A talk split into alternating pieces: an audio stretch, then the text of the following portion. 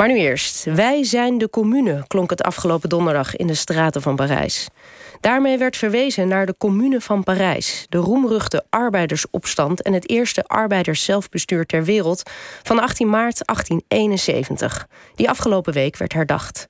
De opstand die Parijs in vuur en vlam zette is hot. Maar wat gebeurde er precies en waarom is die commune nu weer zo populair? Ja, bij ons historicus Dennis Bos, schrijver van een alweer zes jaar oud standaardwerk, geloof ik, of zoiets. Bloed en barricade, de commune van Parijs herdacht. Dennis, welkom. Uh, wat gaan ze nu eigenlijk herdenken? Laten we eens teruggaan naar het moment, die gebeurtenis van 18 maart 71, deze week 150 jaar geleden. Wat gebeurde er toen? Nou, op dat moment is, is Frankrijk heeft net een, uh, is net weer republiek. Heeft een keizer verjaagd omdat een oorlog is verloren tegen de Pruisen. Duitsland herwint zijn nationale eenheid in een oorlog met het Franse keizerrijk. Frankrijk verliest die oorlog en uit een soort colère, chagrijn over die uh, verloren oorlog en de hongerwinter die dat voor Parijs met zich heeft meegebracht, wordt in maart 1871 uh, op 18 maart wordt de Franse regering uit Parijs verjaagd. Dus volksopstand vanuit Montmartre, die, die heuvel vol arbeiders.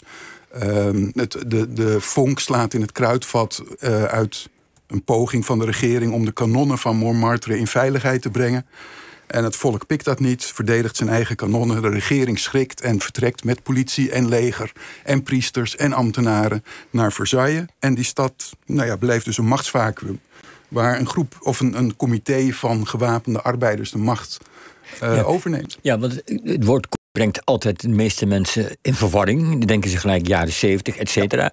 Ja. Uh, vertel even, hoezo? Commune van Parijs? Het is niet meer dan het uh, Franse woord voor gemeente.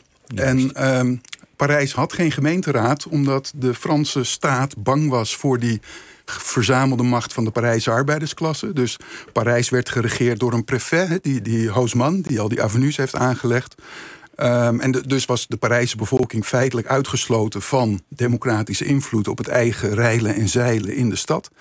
En dat verandert. De commune wordt uitgeroepen. Dus de bevolking van Parijs verovert zich gewapenderhand een eigen gemeenteraad. Ze gaan zichzelf besturen. Er worden meteen algemene verkiezingen uitgeroepen. Uh, en binnen tien dagen wordt dus een nieuwe stadsregering uitgeroepen. En omdat die staatsregering in Versailles zit, wordt dat dus ook een soort meteen een soort burgeroorlog tussen de stad Parijs en de Franse staat. Ja, en, en dat is een vrij gewelddadige aangelegenheid. Vertel eens wat gebeurt er precies.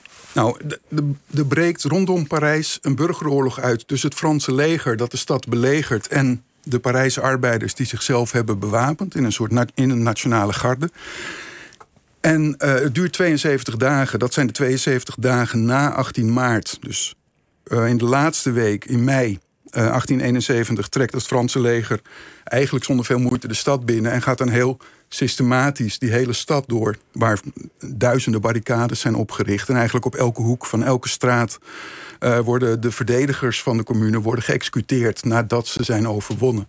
En dat levert uiteindelijk naar schatting 20.000 doden op. Na de nederlaag van de commune op 28 mei uh, valt het laatste schot. En in een week daarna worden er nog duizenden mensen geëxecuteerd. Ja, die schrijf je in een boek. Het is een orgie van geweld. En met name van tegengeweld van de overheid, maar ook van geweld van de communards, zoals ze heten zelf. Hoe, ja. Is dat ook iets? Hoe nou, gewelddadig waren zij? Nou ja, er zijn gijzelaars genomen door de commune. Al in het begin van de revolutie is bijvoorbeeld de aartsbisschop van Parijs... en een aantal uh, politiefunctionarissen zijn als gijzelaar uh, gevangen genomen. En eigenlijk uh, duurt het heel lang voordat die, die gijzelaars daadwerkelijk worden geëxecuteerd. Dat gebeurt pas in de laatste dagen. Maar het is onmiskenbaar dat een aantal gijzelaars door de commune zijn geëxecuteerd. Het is ook onmiskenbaar dat die Parijzenaars zich gewapend rand hebben verdedigd.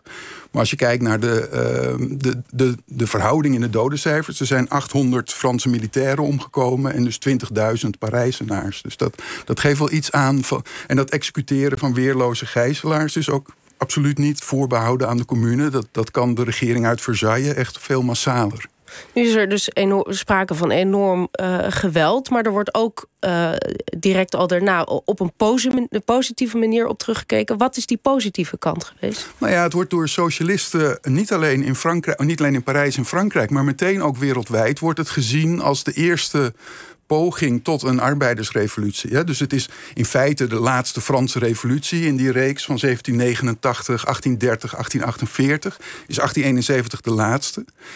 En tegelijkertijd voor socialisten van allerlei slag, anarchisten, communisten, is 1871 de eerste van de socialistische revoluties die daarna gaan komen. Dus 1871, 1905, 1917, ja, je schrijft in je boek, het is niet alleen uh, dat het uh, herdacht wordt door de socialisten, mm. maar het wordt een soort de eerste heilige graal van het socialisme. Ja. En, en dat gaat ver. He, dat, er zijn tournees, et cetera. Schets dat eens wat er gebeurt. Nou, die, die rode vlag waar socialisten zich mee kenbaar maken, wordt ook door socialisten echt gepresenteerd als een. De kleur van die vlag is het bloed van de martelaren van de commune. Hè? Dus dat, dat wordt van meet af aan zo beweerd. Er worden ook. Um, nou ja, er, gaan mensen op tournee. Ik heb een prachtige herdenking gevonden in Brussel... die ergens in de jaren 1880 uh, eh, enorm uh, veel plezier beleeft... aan het feit dat daar een Parijse veteraan is... die op het toneel zijn blouse uittrekt... en dan laat zien dat hij wel vijf kogelwonden heeft. Nou ja, dat, dat, dat soort hele tastbare... En ik meen ook dat, dat je schrijft dat er bijna aanzichtkaarten rondgaan... van geëxecuteerden in open kist de lijken. Ja, ja, je kunt dat op kabinetformaat ook bestellen. Dus uitvergroot zijn daar foto's van nou, geëxecuteerde communaars die in hun kist liggen met nou ja, alle kogelwonden duidelijk te zien. En die kun je dus bij socialistische boekhandels kun je die bestellen om je vergaderlokaal mee te versieren. En dat is heel aanschouwelijk, heel concreet, heel, nou ja, misschien wel katholiek. Maar werd het ook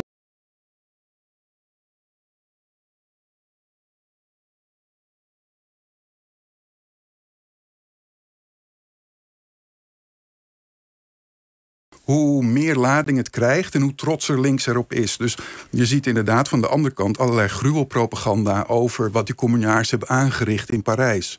dus er zijn allerlei verhalen over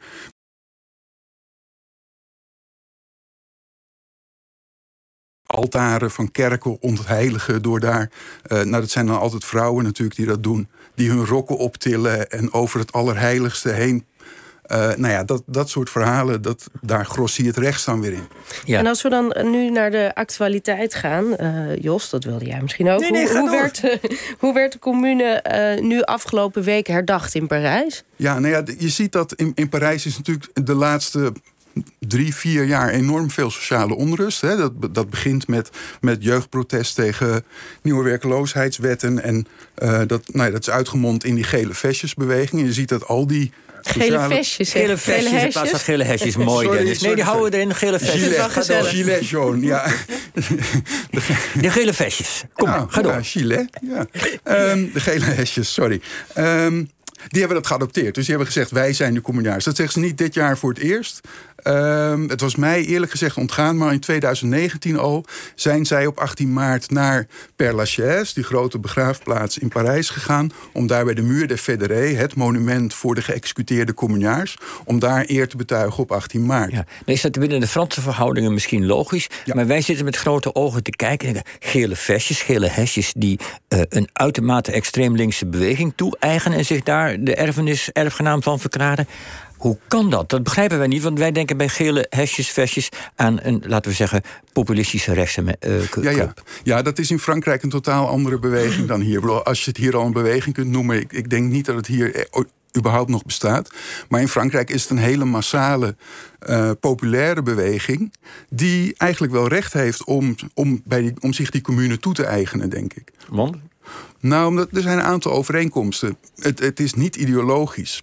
En dat, dat geldt voor die commune ook heel sterk. Hè? Er is bijvoorbeeld ook geen leider. Dat vind ik ook interessant aan die commune. Er is geen figuur die die geschiedenis domineert of representeert. Er is geen Lenin, geen, geen Trotsky, geen Mao Zedong. De commune is van iedereen, zeg maar, tijdens de commune zelf. En dat, geldt, nou ja, dat maakt het ook wel een beweging die aansluit bij de praktijk van die gele hesjes nu. Speelt daar dan ook dat beroemde, wat we ook tegenwoordig altijd horen... wij worden niet gehoord. En de commune mensen werden ook niet gehoord. Is dat ook zo'n zo'n kernding hieruit? Nou, wat, wat rechts verschrikkelijk vond aan de commune... Uh, was dat daar in die nieuwe revolutionaire gemeenteraad allemaal mensen zaten die nog nooit een universiteit van dichtbij hadden gezien. Er zaten dus timmerlieden in de gemeenteraad. Uh, er zaten mensen die nog, nog ineens 50 waren. En die dachten dat ze, ook al waren ze nog maar 32, dat ze het volk konden representeren. Nu, nu heb, noem je de gele hesjes, maar ik meen ook te weten dat naast de gele hesjes ook uh, de burgemeester van Parijs, uh, dat, daar, dat die ook allemaal dingen doen onder het motto wij zijn, uh, wij zijn de commune. Vertel, wat doen zij? Nou, de, de, de, de Franse gemeente, of de, de burgemeester van Parijs is, is van de Partie Socialist. Hè. Hidalgo is een, is een sociaal-democratisch burgemeester. En er zijn dus allerlei tentoonstellingen, ook in de publieke ruimte. Um, het is wel interessant. In 2013 waren de verkiezingen voor deze burgemeesterspositie. En toen was Hidalgo ook kandidaat. En toen werd in de nacht van 18 op 19 maart... werd uh, dus ter herdenking... 149 jaar uh, geleden ja, toen de commune. Ja, ja nee, dus dit, dit, was in 2013. Heeft een stel anarchisten de Sacré-Cœur helemaal onder de leuzes van Vive la Commune geklad. Ja, we moeten even uitleggen, Sacré-Cœur is gebouwd als herdenking voor het afschuwelijke uh, arbeidersopstand. Hè? Een soort, soort katholieke herdenkingsactie. Ja, die Sacré-Cœur is echt bedoeld om de commune eronder te stampen. Ja. Dus als een, als een overwinningsteken. Dus een stel anarchisten heeft daar de Sacré-Cœur beklad. En toen was de burgemeesterskandidaat Hidalgo, die was ontzet van, oh, hier distancieren we ons van. Dit mag niet. Dit. Dus dat, dat tekent de, de ingewikkelde omgang met dat verleden. Dus nu organiseert de gemeente Parijs allerlei dingen ter herdenking van de commune, wat rechts verschrikkelijk vindt. En tegelijkertijd wil ze ook niet geassocieerd worden met de, alle, de meest radicale kanten van de commune. Zit, zit hier ook in een soort uh, dat, dat, dat zo'n linkse burger, sociaal-democratische burgemeester en, en anderen willen laten het willen via de commune willen laten bewijzen dat zij het contact met het gewone volk nog hebben? Of dat claimen dat zou, althans? Dat zou heel goed kunnen. Ja, dat, ik, ik zit daar niet goed genoeg in. Doe ze gok? Ja, ik, het lijkt mij heel verstandig om het op die manier aan te pakken. Ik bedoel, als je ziet hoe de verhoudingen op straat in Frankrijk... in de steden liggen tussen de overheid en eh, eh het, het, volk... de gele maar al, alle andere ontevredenen. Ik bedoel, daar, daar is echt heel veel aan de hand. En, en niet één keer, maar gewoon al jaren, week in, week uit. Dus ik kan me goed voorstellen dat zo'n burgemeester van Parijs... ook dit een aanknopingspunt vindt om iets van street credibility uh, terug te halen. Uh, jij bent historicus, je hebt hier een dikke studie van geschreven, een mooie studie, mag best even gezegd worden. Doet het jouw hart weer uh, kloppen als je dit om je heen ziet? Of zeg je nee, zo moet je niet met geschiedenis omgaan, dat het steeds geïnstrumentaliseerd wordt? ja, alles van vroeger is weerloos dus als je de februari-staking kunt laten herdenken door Martin Bosman, dan vind ik dan, dan zijn alle grenzen voorbij. En dan moet je kunnen doen wat je wilt. Goed, Dennis Bos, eh, je boek heet dus Bloed en Barricade. De commune, Parijse commune herdacht is uitgekomen bij uitgeverij Wereldbibliotheek. Gewoon nog verkrijgbaar, hè?